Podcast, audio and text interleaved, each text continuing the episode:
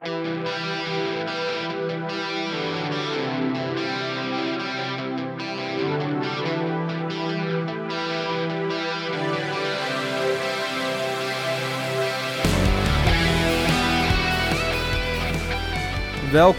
bij de Bong en Stok Ajax podcast, waar wij wekelijks praten over echt voetbal en het dus alleen over Ajax hebben. Allereerst ons oprechte excuses aan jullie lieve luisteraars dat we er vorige week niet waren met een aflevering. Door logistieke problemen was het helaas niet mogelijk om een podcast op te nemen.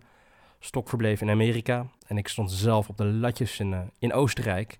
En we konden door onder andere mijn apres-ski verplichtingen geen goed moment vinden. Vanaf nu zullen we er weer elke week zijn. Dit is dan ook aflevering 16 die we opnemen gelijk na de wedstrijd tegen PSV thuis. Een 1-0 winstpartij. Voordat we over de wedstrijd beginnen, vergeet je niet te abonneren op de podcast op Spotify, Apple Podcast of waar je ook je podcast beluistert. Goed, Stok. De wedstrijd is zojuist afgelopen. De topper tegen PSV, 1-0 gewonnen. Dit is natuurlijk een topper op papier, maar hebben we ook echt een topper gezien in het echt? Nee, nee, het was zeker geen topper. Het was een, uh, eigenlijk een zeer matige wedstrijd. Ik ben een beetje geschrokken van deze wedstrijd, Bon. En niet, uh, niet per se door Ajax, uh, daar gaan we het sowieso nog uitgebreid over hebben. Maar ik heb echt een bizar slecht PSV gezien. Echt het slechtste PSV wat ik denk ik ooit gezien heb. En het was een hele matige wedstrijd en zeker niet topperwaardig.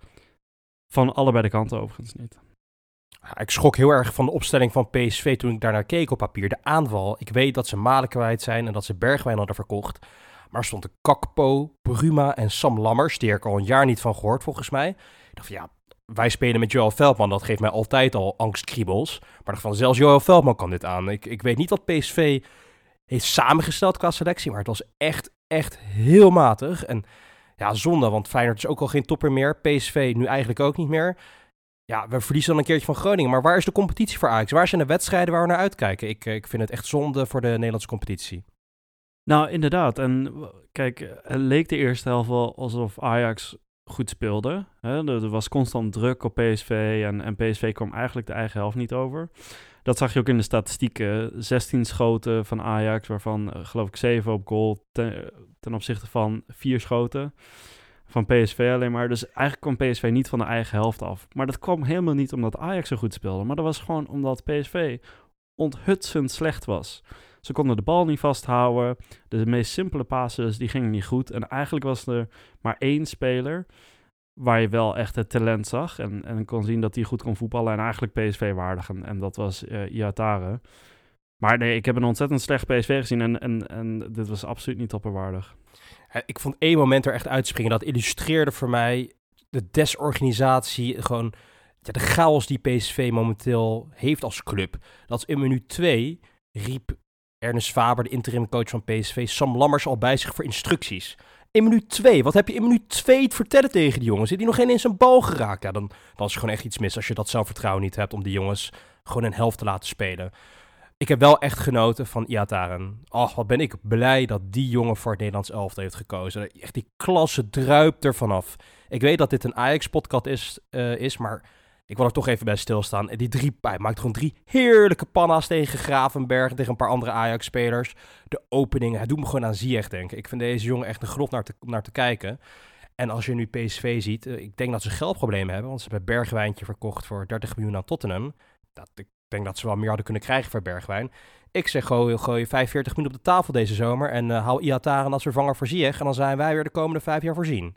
Ja, ben ik het helemaal mee eens. Hij is absoluut uh, de spelmaker van, van PSV. En, en hij zou zeker niet misstaan bij een Ajax. Als we het dan toch over Ajax hebben, zullen, zullen we daar ook maar eens mee beginnen? ja, het is wel een Ajax-podcast, ja. het is tenslotte een Ajax-podcast. Ik wil graag even beginnen bij... Uh, volgens mij is dit de zesde de variant van het Ajax-middenveld. We begonnen vandaag met, met Eiting en Gravenberg en Donny natuurlijk op middenveld. Ten Hag is dus duidelijk nog steeds zoekende naar, uh, naar een middenveld wat, wat uh, loopt. En ik moet zeggen, ik vond dat vandaag weer drie keer niks. Um, ik vond Gravenberg ontzettend slecht vandaag. Er kwam bijna geen bal aan. Eiting stond vaak te diep. En, en Donny, uh, ja, die speelde ook niet zijn beste wedstrijd. En begint dit niet een beetje een probleem te worden? Dat Ten Hag het ondertussen ook al niet meer weet? Denk het wel, ja. als je ze gewoon ziet hoe het middenveld opereerde, tuurlijk zijn het niet drie spelers die het gewend zijn om met elkaar in Ajax 1 te spelen, maar het zijn wel drie spelers die allebei al uit de jeugd komen, die in principe het Ajax-systeem kennen, die weet waar ze moeten lopen en eh, ze liepen elkaar eigenlijk een beetje in de weg deze, deze wedstrijd. Kenneth Perez liet dat heel goed zien in de rust, dat eigenlijk ja, die drie spelers gewoon zelf op een kluitje stonden. Waar je verwacht dat je een driemans middenveld hebt. Dat er eentje links staat, eentje rechts en eentje ja, achter. Ja, gewoon in een, met de punt naar voren of naar de punt naar achter. Gebeurde dat helemaal niet. Die speelden of alle drie op rechts, of alle drie op links, of alle drie in een punt naar achter, of alle drie in een punt naar voren. Er zat geen enkele structuur in. En als coach zijn is dat natuurlijk wel een beetje je verantwoordelijkheid. En ja, jij moet je spelers daar goed neerzetten. En het begint wel een beetje problematieke vorm aan te nemen. Want wat je heel terecht zegt, het is misschien wel de achtste, negende verschillende samenstelling op het middenveld. En ja, er zijn blessures en ja, er zijn excuses. Maar ja, we zitten nu op driekwart van het seizoen bijna. Een gegeven moment moeten er spelers ook gewoon in en uit het elftal kunnen komen zonder dat het een probleem oplevert. En ik vind het wel zorgwekkend, zeker gezien, ja, PSV is nu een ploeg die in problemen zit, maar we moeten straks naar Utrecht uit. We komen straks in de Europa League tegen Getafe, wat we hier nu gewoon weer heel netjes vierde staan in Spanje als we het nu nog niet weten, ja, het geeft mij geen enkel vertrouwen deze wedstrijd dat we het over een paar weken wel weten. Zeker niet met de blessures die er nu weer bij zitten. Dus ja, ik weet niet wat eh, Ten Hag eh, in zijn hoofd heeft, maar het moet er nu heel snel uitkomen. Ja, daar ben ik het helemaal mee eens. Kijk, vandaag speelde we tegen een slechte tegenstander, maar ja, deze komende maand staan er veel belangrijke wedstrijden op programma tegen veel betere tegenstanders. we, we spelen in, in de beker, de halve finale, we spelen tegen Getafe natuurlijk, we hebben Utrecht uit. En met dit middenveld, uh, wat echt heel erg zwak was, ja, ga, ga je dat vrees ik niet redden. Dus ik, ik weet niet zelf ook niet wat per se de oplossing zal zijn, want we hebben inderdaad aardig wat, wat blessures. Maar ja, Eiting, Gravenberg, Donny, dat, dat liep wat mij betreft niet. En uh, dat is een variant die uh, als niet geslaagd kan worden beoordeeld. Daar ben ik met je eens. Ik moet wel zeggen, ik vond Donny wel oké spelen. Die goal van hem vond ik echt klasse. Ik weet dat het een fout van de keeper was. Donny, uh, Donny speelde weer prima. Die goal was echt klasse. Hij, ik weet dat het een fout van de keeper was die hem over de grond uitschiet. Gewoon onder druk en een beetje angstig. Maar wat ik echt klasse vond, je zag Donny kijken en die dacht, ik ga hem er overheen wippen van uh, op de middenlijn. Dat wilde de commentator ook heel graag. Die was echt heel teleurgesteld, die vent. Maar je ziet Donny kijken en hij is zo bewust dat hij zegt van ja, nee, er komt een speer maar afrennen. Het, het, risico dat die bal geblokt wordt is groter. En dan doet hij gewoon een Messi in een Maradona solo waar hij er vier uitspeelt. Ja, zonder dat hij hem niet afmaakt, maar daarna maakte Quincy hem wel, wel weer mooi af. Maar dat was weer echt de goede van Donny. Um, een speler waar wij natuurlijk wel een tijdje heel lang positief over zijn geweest en waar ik het ook nog steeds heel positief voor inzie, is Rijn Gravenberg. Um, vorige wedstrijd zei jij heel terecht, vorige, vorige podcast excuus, dat we bij hem nog even moesten afwachten hoe hij het ging doen in de topwedstrijden. Ik vond wel vandaag echt een, een, illustratie dat hij er nog niet klaar voor is om op topniveau ook een topprestatie neer te zetten. Je zag heel duidelijk dat zijn balcontrole nog net iets te onrustig was. Vaak de bal net iets te veel voor zich uit. Leek hij net een beetje een Bambi op, eh, op grote loopstokken. En ook niet de goede beslissing. Liep vaak in de weg. Ja, hij komt er wel, maar het was geen overtuigende wedstrijd uh, van Ryan Gravenberg. Wat vond jij van uh, Karel Eiting eigenlijk? Uh, nog even terugkomen op Gravenberg. Ik, ik vond inderdaad wat jij zei. Hè? Hij, het leek wel alsof hij maar niet de juiste positie kon kiezen. Alsof hij het spel niet goed aan het lezen was. Want uiteindelijk kwamen ze alle drie, en Eiting dus ook, allemaal op dezelfde positie uit. Dus er, er zat geen samenspel in. En, en op een of andere manier lazen ze allemaal het spelletje verkeerd. Ze, ze, creëerden ook geen ruimte. Ze speelden niet tussen de linies. Ze stonden allemaal op één lijn. Het was er, erg matig. En als we het dan over Eiting hebben bijvoorbeeld.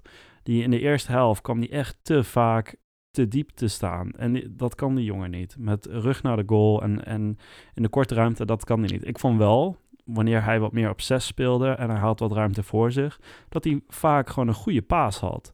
Dat hij een goede inspeelpaas had, dat hij een goede dieptebal had. Ik vond Eiting wat dat betreft niet de slechtste vandaag.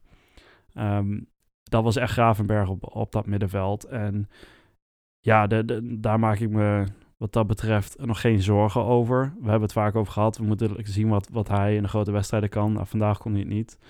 Um, maar zeker een aandachtspuntje voor, voor de jongen. Ja, Gravenberg maakt me geen zorgen over. Waar ik me dus wel zorgen over maak is Karel Eiting. Ik denk dat dit, voor mij is het precies, precies zo'n speler die één hoogtepunt heeft in een wedstrijd waar hij een fantastische bal geeft. En dat heeft hij absoluut in zich. Maar dit is een speler die zoveel meer fout doet dan die goed doet.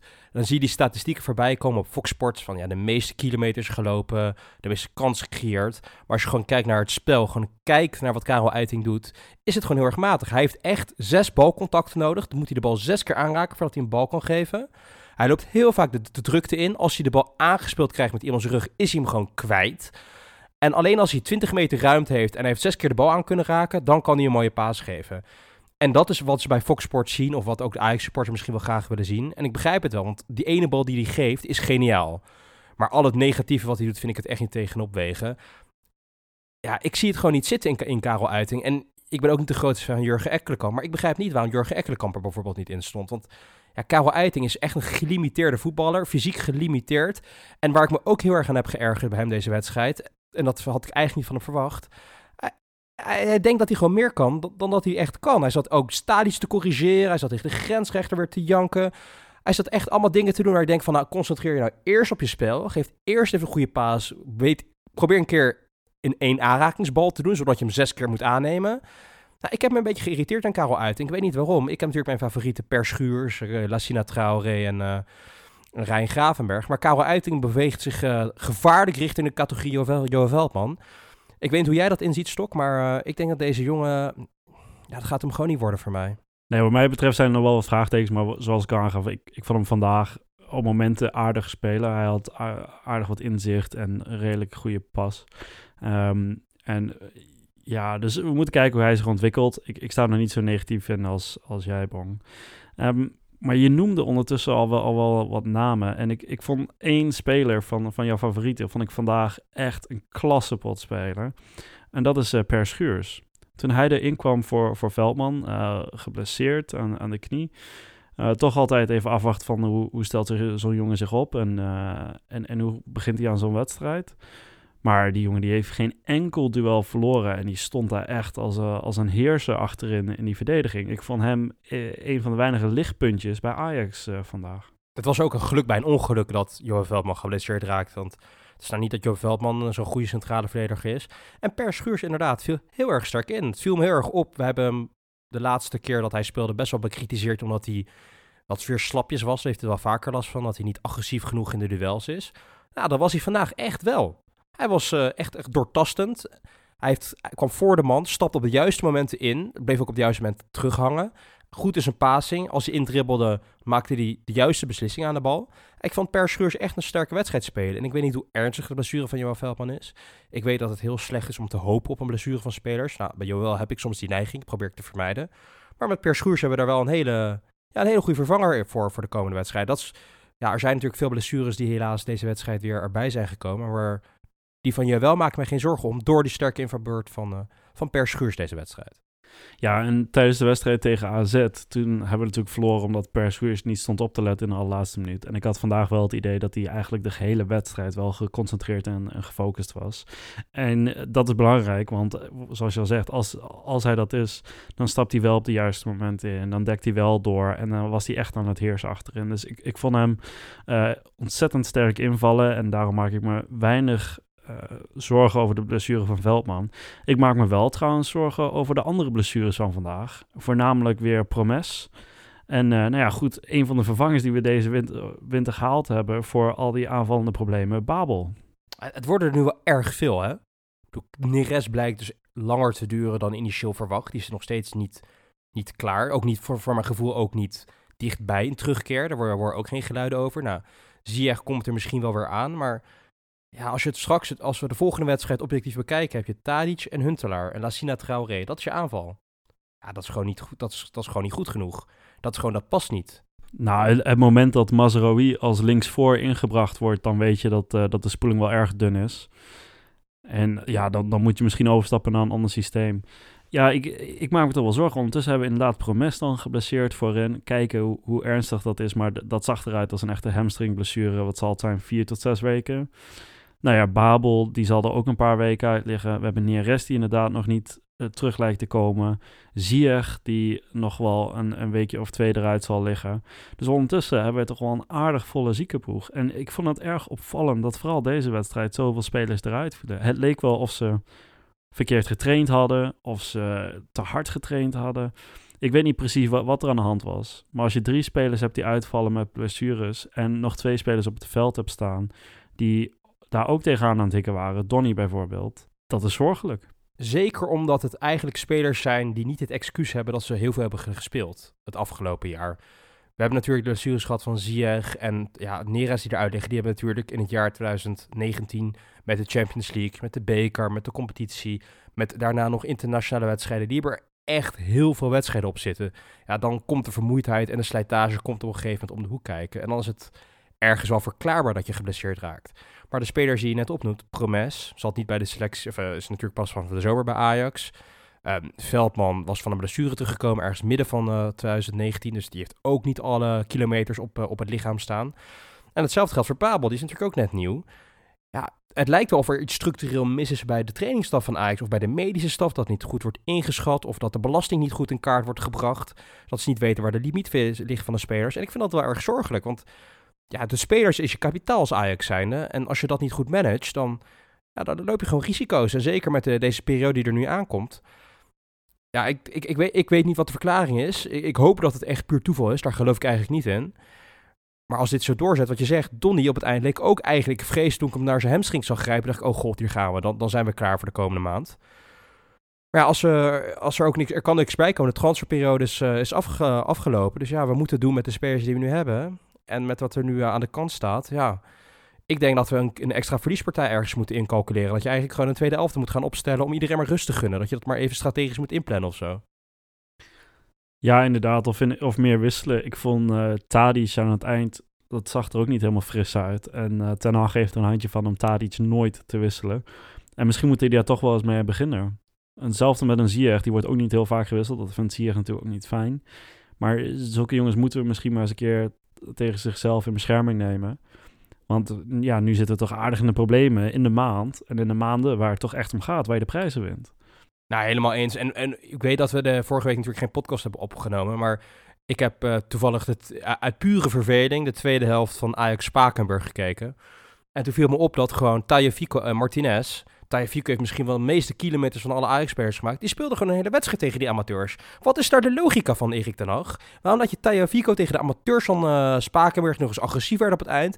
90 minuten heen en weer draven. Dat is echt onzin. Dan neem je gewoon onverantwoord risico met je spelers. Ja, ik, ik weet dat Erik ten Hag een goede coach is. Maar ik begin wel over de afgelopen tijd de indruk te krijgen dat hij ook leidt onder druk, onder stress, misschien wel vermoeidheid, mentale vermoeidheid. Want hij maakt gewoon echt discutabele beslissingen. We hebben het nog eens gehad over Siem de Jong uh, tegen FC Groningen, dat natuurlijk vorige week ook een debakel was. Nou, maar Erik ten Hag moet ook gewoon even bijgestuurd worden door Overmars of door wie dan ook. Want ja, ik denk dat hij ook gewoon een, negatieve bijdrage levert aan het spelermanagement op het moment. Volledig mee eens. Hey, maar Ajax die, uh, die wint dus met 1-0 eerste helft gedomineerd, zoals we het eigenlijk al over hadden. En dat kwam vooral door een slecht PSV. De tweede helft was ja, echt verschrikkelijk om naar te kijken. Daar doe je geen enkele voetbalfan plezier mee. Maar uh, Ajax had volgens mij wel gewoon op 2-0 moeten komen. Maar uh, Kuipers die wilde de penalty niet geven. Ik vond het een 100% penalty. Die, uh, die PSV-verdediger die steekt de benen uit. En Dest die zoekt de been natuurlijk wel op. Maar ja, dan moet je je been maar niet uitsteken. Hoe is het mogelijk, Bong, dat ten eerste Kuipers er geen penalty zit... en dan ten tweede dat Nijhuis in de, bij de VAR... dat hij er ook geen penalty in zit. Ik vind het echt ongelooflijk. En die, die wedstrijd had eigenlijk al beslist moeten zijn. Nou, ik heb daar een hele, hele makkelijke verklaring voor stok. Het zijn gewoon twee mannen die voetbal goed zien. Het was absoluut geen penalty. Het is gewoon Des die gewoon echt op zijn Jurgen Klinsmann gewoon een echte ouderwetse schwalbe maakte. Als Ronaldo dit had gedaan in de arena, hadden we hem echt een hele wedstrijd streamend uitgefloten. Omdat hij op zoek was naar de penalty. En Sergio Dest, ik heb me de hele wedstrijd weer aan geërgerd. Al die trucjes en al die, uh, al die pirouettes die hij aan het maken was. En als een schoten met links die helemaal nergens op leken. Ja, dit was gewoon weer een extraatje bij de dingetjes die Sergio Dest gewoon niet moet doen. Als je gewoon objectief nog een keer naar de herhaling kijkt, Stok. Denk, weet je, kalmeer even. Morgen met een biertje of met een theetje, als je daar wat rustiger van wordt. Kijk er nog een keer naar. En dan zie je dat Björn Kuipers en, uh, en Bas Nuis gewoon gelijk hadden. Dit was absoluut geen penalty. Kijk, ik uh, normaal gesproken ben ik met je eens. En vooral spelers die, die echt uh, tegen andere spelers oplopen eigenlijk. Hè. Um, want ja, dan, dan heb je het idee van uh, de verdediger kan geen kant op. Maar in dit geval, die PSV-verdediger, die gaat er vol in. die steekt zijn been volledig uit. En ja, die, die, Eigenlijk is het gewoon een halve ippon. Hou op, halve ippon. Wat mij betreft is dit gewoon eh, duidelijk een, een penalty. En gewoon een ontzettend slecht verdedigende actie van die PSV-speler. nee, het was gewoon ontzettend slechte schaar van Sergio Dest. Het, het was een, eh, een matige schaar, maar een nog, nog slechtere verdedigende actie. Dit, dit had wat mij betreft gewoon een penalty moeten, moeten zijn. En het had 2-0 moeten worden, want ik, ik heb me aan, eh, aan het eind van de wedstrijd... heb ik me weer zo lopen ergeren, want het was veel te spannend. Dat had het helemaal niet hoeven te zijn. En dat kwam omdat die, die penalty niet gegeven werd.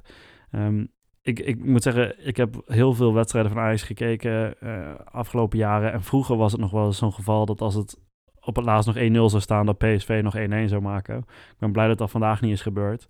Maar ja, die spanning aan het eind, dat was wat mij betreft niet nodig. Onder andere door die penalty. Over die penalty ben ik het niet met, uh, met je eens, dat, uh, dat is wel duidelijk. Maar laten we daar niet, niet te lang over doorgaan. Um, wat ik wel met je eens ben, is dat Ajax wel volwassener geworden de afgelopen anderhalf jaar. Inderdaad, Ajax heeft altijd een handje gehad om dit soort wedstrijden nog gelijk te spelen. Nou, kijk naar tegen Tottenham. Ja, dit soort wedstrijden weten ze nu op de een of andere manier met hangen en worgen, met hakken over de sloot wel uit te spelen. Dat is natuurlijk wel een, een vooruitgang. Er is wel een ander penalty moment. Waar eigenlijk niemand over heeft gehad, wat ik dus wel een 100% penalty vond. En dat was Tadic, die tegen de handen van Dumfries schoot. Dumfries, die heeft gewoon met twee handen, deed hij gewoon of hij een bal aan het wegstompen was. En in de herhaling, Tadic schiet gewoon heel snel en daardoor valt het niet op. Hij schiet gewoon echt heel erg hard. Maar ja, die handen van, van Dumfries, die wijzen gewoon een andere kant op dan zijn lichaam op gaat. Ja, dat vond ik gewoon wel een penalty. Dat is de definitie die we nu gewend zijn met hands.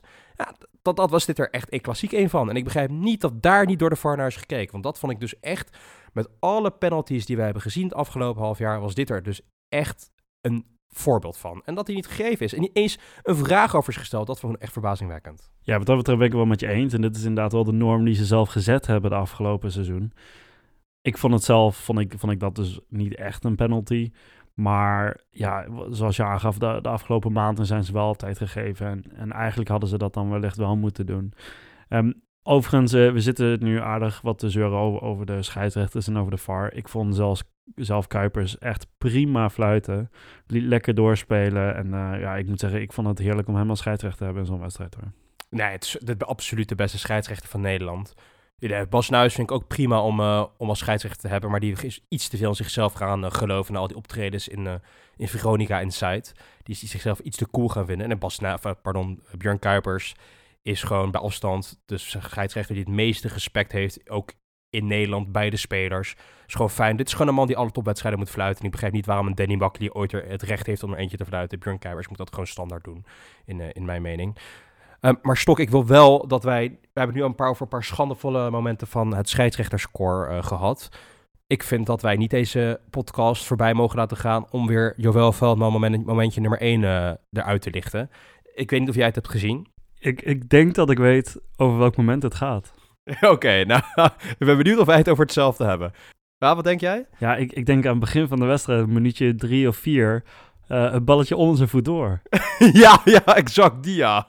Nou, ik vond dat, ik, ik zat echt te kijken en ik dacht, het, ik vond het echt bizar. Het was echt een heel rustig balletje van Donny op de middencirkel, die die gewoon rustig over de grond, gewoon een balletje die je op de training geeft, of in het zaalvoetbal met je vrienden, gewoon rustig over de grond. En op de, ik weet niet, ja, gewoon, ik denk dat hij een motorisch probleem heeft of zo, Velman. Want wat, is, wat gaat er in je hoofd om, om in plaats van je voet op de grond te laten, om die bal aan te nemen, je voet twee meter de lucht in, te, in, de grond, in de lucht te werpen. Dat ging echt, de bal ging met zijn voet door. Die voet was niet eens in de buurt van de bal. Van wat, wat gaat er in je hoofd om? Dan heb je echt geen goede, ja, oog-voetcoördinatie. Dat was echt heel bizar. Ik nodig echt alle luisteraars om hier naar te kijken en dit moment even op te zoeken.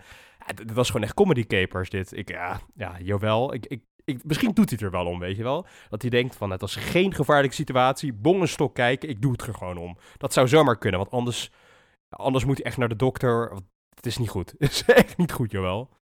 Nee, toen ik het moment zag, ik, ik ging helemaal stuk toen ik het zag. Ik dacht, ja, eh, ik ben blij dat Veldman er ook weer in staat. Dan hebben we tenminste weer genoeg onderwerpen om over te praten tijdens deze podcast. Van wat een moment was dit, zeg. Ja, en over dingetjes gesproken die niet kunnen. Misschien wel eentje die ik nog uit wil lichten. Heb jij de kopbal van Dusan Tadic gezien? Ja, die kopbal van uh, ongeveer de penalty stippen. Ja, dat was gewoon helemaal vrij. Ik weet dat Dusan bekend staat als een trainingsbeest, maar een van de dingen waar hij klaarblijkelijk niet aan werkt elke dag is koppen. Want als Matthijs de daar had gestaan, dan uh, was die bal kaart de kruising ingevlogen of Virgil van Dijk. Maar uh, Dusan die kopt hem heel netjes gewoon beleefd terug in het midden in de handen van de keeper. Ik denk dat Dusan even aan zijn kopkwaliteiten moet werken. Nee, inderdaad. Kijk, het was een wonder dat hij daar zo vogelvrij stond. Want er was echt geen enkele PSV-verdediger die in de buurt staat of stond. En dat, is toch bizar, want we hebben het wel over Tadic. Maar ja, die kopbal was, was inderdaad vrij matig. En uh, ja, ja, enorme kans. Kijk, uiteindelijk hebben we ruim 30 keer op goal geschoten. Of we hebben 30 keer geschoten vandaag, Bong. Waarvan er 7 op goal zijn gegaan. Het is een wonder dat, dat het maar 1-0 gebleven is. En, en ja, nou ja, goed. Dit, kopballetje, die had ook uh, een stuk overtuigender gemogen. Ja, we moeten gewoon iets cleaners zijn in de, in de afronding. Ja. Maar ik denk dat het uh, uiteindelijk een 1-0 winstpartij... Het, het, was niet onterecht aan het einde. Ik bedoel, Ajax speelde niet geweldig uh, 60 uh, minuten van de hele wedstrijd. Dus ik vind 1-0 ben ik eigenlijk wel tevreden mee.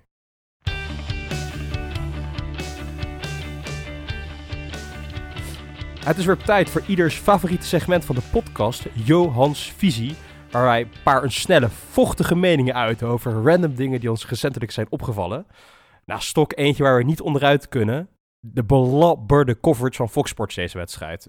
We, hebben een paar dingen gezien. Martinez die constant door de commentator Alvarez werd genoemd. Lassana Traoré in plaats van Lassina Traoré. En de interviews van uh, Hans Kraai junior. Ik heb me daar echt groen en geel aan geërgerd. Ik wil graag beginnen met Hans Kraai. Al voor de wedstrijd was dit uh, ja, tenen krommend, moet ik zeggen. Dat, dat interview met Ten Hag. Ja, dat, dat ging eigenlijk helemaal nergens over. Ze probeerden echt over de tactiek van, van Ajax te hebben. Maar Ten Hag die zat eigenlijk uh, Hans Kraai aan te kijken van waar, waar heb je het over? En dat was echt ene krommend. En ik vond ook aan het eind van de wedstrijd was het op een gegeven moment een interview met Dumfries. En uh, mijn vriendin is dan toevallig voor, voormalig journalist. En uh, ondanks dat er geen Nederlands staat, zat zij al te zeggen: Wat is dit voor interviewen? Halverwege, terwijl Dumfries wat aan het zeggen is, dan, dan trekt hij die microfoon alweer terug. En begint hij zijn eigen mening op, uh, op Dumfries in te praten, eigenlijk. Ik denk dat als, als we dat interview terug zouden kijken, dat, dat interview was misschien vier minuten. En Hans Kraaij is drie minuten aan het woord. Ja, dit, dit was echt tenenkrommend. En ja, wat dat betreft was Fox Sport niet op zijn best vandaag hoor. Nee, maar ook dat ze met Ernest Faber aan het einde van, uh, af na het afloop van de wedstrijd. Toen uh, hij stelde vragen aan Ernest Faber en echt na zin 1. Sorry dat ik je even onderbreek, maar ik van Hans Kraai, doe nou normaal man. Dat is toch echt niet goed. Hoe is deze man nog op televisie? Dat, deze man is echt gemaakt voor het schakelprogramma van de keukenkampioen-divisie van Fox Sports. Daar, dat, daar hoort hij thuis. Want ja, ik, dit is een topwedstrijd. Die moet je ook gewoon mensen hebben die dat aankunnen. En Hans Kraai is gewoon echt een lichtgewicht als het aangaat op interview. En daar moet je gewoon heel snel mee ophouden. Kijk, ik vind normaal gesproken Hans Cruijff ik nog wel mooi, weet je wel. Want hij stookt een beetje tijdens interviews, maar hij ging vandaag veel te ver. En uh, hij deed al een, beetje alsof hij bij voetbal uh, Veronica Inside zit.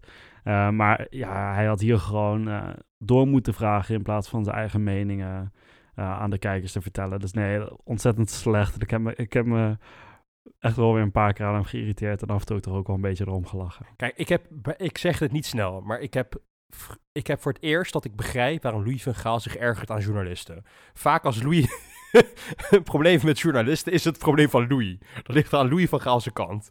Maar die ruzie die heeft gehad met Hans Kraaij junior, en ik begrijp het nu volledig, Louis. Mijn oprecht excuus dat ik ooit heb gedacht dat jij daar verantwoordelijk voor was. Ik weet nu zeker dat het Hans Kraaij was. Uh, sorry, Louis. Goed, um, wel iets positiever nieuws uh, tegenover wat uh, Fox Sports heeft gedaan. Daily Blind is weer terug op het trainingsveld gesignaleerd. Heeft weer meegedaan met serieuze partijen. Hoe blij ben jij daarmee, Stok?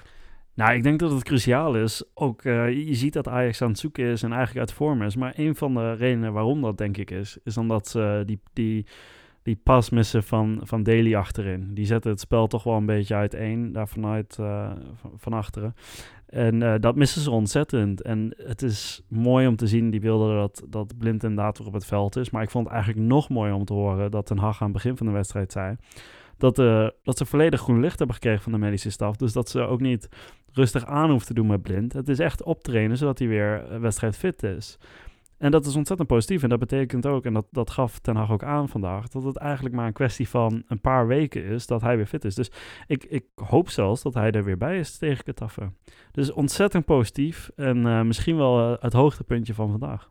Ik hoop ook echt intens dat hij er bij Getafe bij is. Ik, ik hoop wel ook dat de medische staf van IJs niet twee keer dezelfde fout maakt. Want het lijkt natuurlijk, het doet heel erg denken aan wat de tragedie die met Apinouri is gebeurd. Dat de medische staf dat gewoon niet goed had geanalyseerd, niet goed heeft ingegrepen. Dit is ook weer een hard probleem. Ik hoop dat ze niet Daily Blind te snel het groene licht hebben gegeven. Want wij zijn een intens Ajax-fan, maar er gaat niks boven de gezondheid van, van mensen. Dus ik hoop dat ze Daily Blind ook voor de rest van zijn leven, ehm, dat ze daar een beslissing voor nemen, dat, hij, dat daar geen risico meer in ligt. Dus als dat terzijde, ben ik er natuurlijk heel erg blij mee. Laten we hopen dat ze dat goed hebben ingeschat. Maar als Daily er blij is tegen Ketaffen, dan zijn wij denk ik 20% beter. Nee, helemaal mee. Kijk, uiteindelijk is zijn gezondheid het allerbelangrijkste. En ik, ik hoop dus dat de medische staf de, de juiste beslissingen hierin maakt.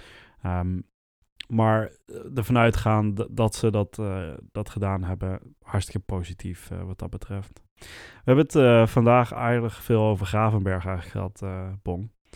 En een van de dingen die ons opviel was dat eigenlijk Gravenberg nog steeds niet heeft bijgetekend. Ondanks dat we toch al maandenlang dat ze daarmee bezig zijn. Wat, wat vind je daarvan?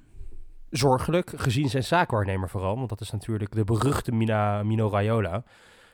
Die gesprekken zijn nu al meer dan een half jaar aan de gang. En je hoort steeds meer geruchten op, op, op, op de in de media opkomen dat AS Roma, Juventus, Manchester City, dat soort clubs hem geïnteresseerd zijn. En als je ziet naar de spelers die Raiola aan zijn stal heeft gehad bij Ajax, dat zijn spelers die op hele jonge leeftijd natuurlijk al weg zijn gegaan.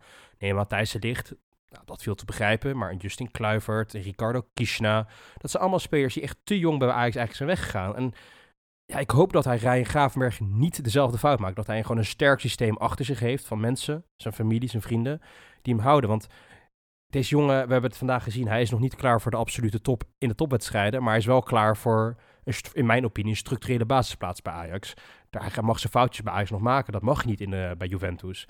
Dus laat deze jongen alsjeblieft bijtekenen. Dat is in Ajax zijn belang en ook in zijn, uh, die jongen zijn belang. En laten we hopen dat Mino Rayo dat ook een keertje inziet in plaats van de dollartekens die hij in zijn ogen heeft. Ja, precies. Kijk, je hoort de geruchten dat AS Roma geïnteresseerd is. Alhoewel geruchten, het komt van Aad de Mos, dus je weet maar nooit of dat klopt. Maar goed, uh, ja, met, met, met Mino Raiola weet je het nooit. Ik vond dat Overmars overigens uh, de, best uh, omschreven. En, en hij zei, dit soort jongens, die moeten het gewoon eerst even bij Ajax laten zien... voordat zij aan het grote geld gaan denken en aan andere clubs. Laat, laat eerst maar hier zien dat je echt een basisplaats verdiend hebt. En, en, en laat hier maar eens zien dat jij zo'n goede speler bent... dat, dat internationale top in jou geïnteresseerd moet zijn. Um, en dat vind ik ook. En ik denk dat als, als Gravenberg uh, hier rustig over nadenkt, dat, dan moet hij toch tot dezelfde conclusie komen. Hij heeft op dit moment niks te zoeken bij grotere clubs als Ajax. Um, en hij moet zich vooral focussen op bijtekenen. En de komende twee, drie jaar laten zien dat hij een enorm goede speler is en dat, dat uh, de top geïnteresseerd in moet zijn. En ik denk dat hij als voorbeeld moet kijken naar een Donny of een Hakim die toch ook al jarenlang uh, de beste spelers bij ons zijn. En waar nu echt de grote clubs achteraan zitten. Nee, helemaal mee eens. Maar ik moet wel zeggen, ik maak me wel echt oprecht zorgen. Want wat is de reden dat deze jongen nog niet eerder heeft bijgetekend? Wat, wat is het struikelblok nu nog? Dat zal het salaris waarschijnlijk zijn. En als hij nu al zoveel vraagt, ja, je kan niet een jongen van zo'n leeftijd nu een paar miljoen gaan laten verdienen. Dus ja, ik moet eerlijk zeggen, ik schat het 50-50 in. Het ligt heel erg uh, aan de komende periode of dat snel gebeurt als tegen het einde van het seizoen nog steeds niet is bijgetekend, dan zie ik het zomaar in dat deze jongen gewoon verkocht wordt deze zomer. Helaas.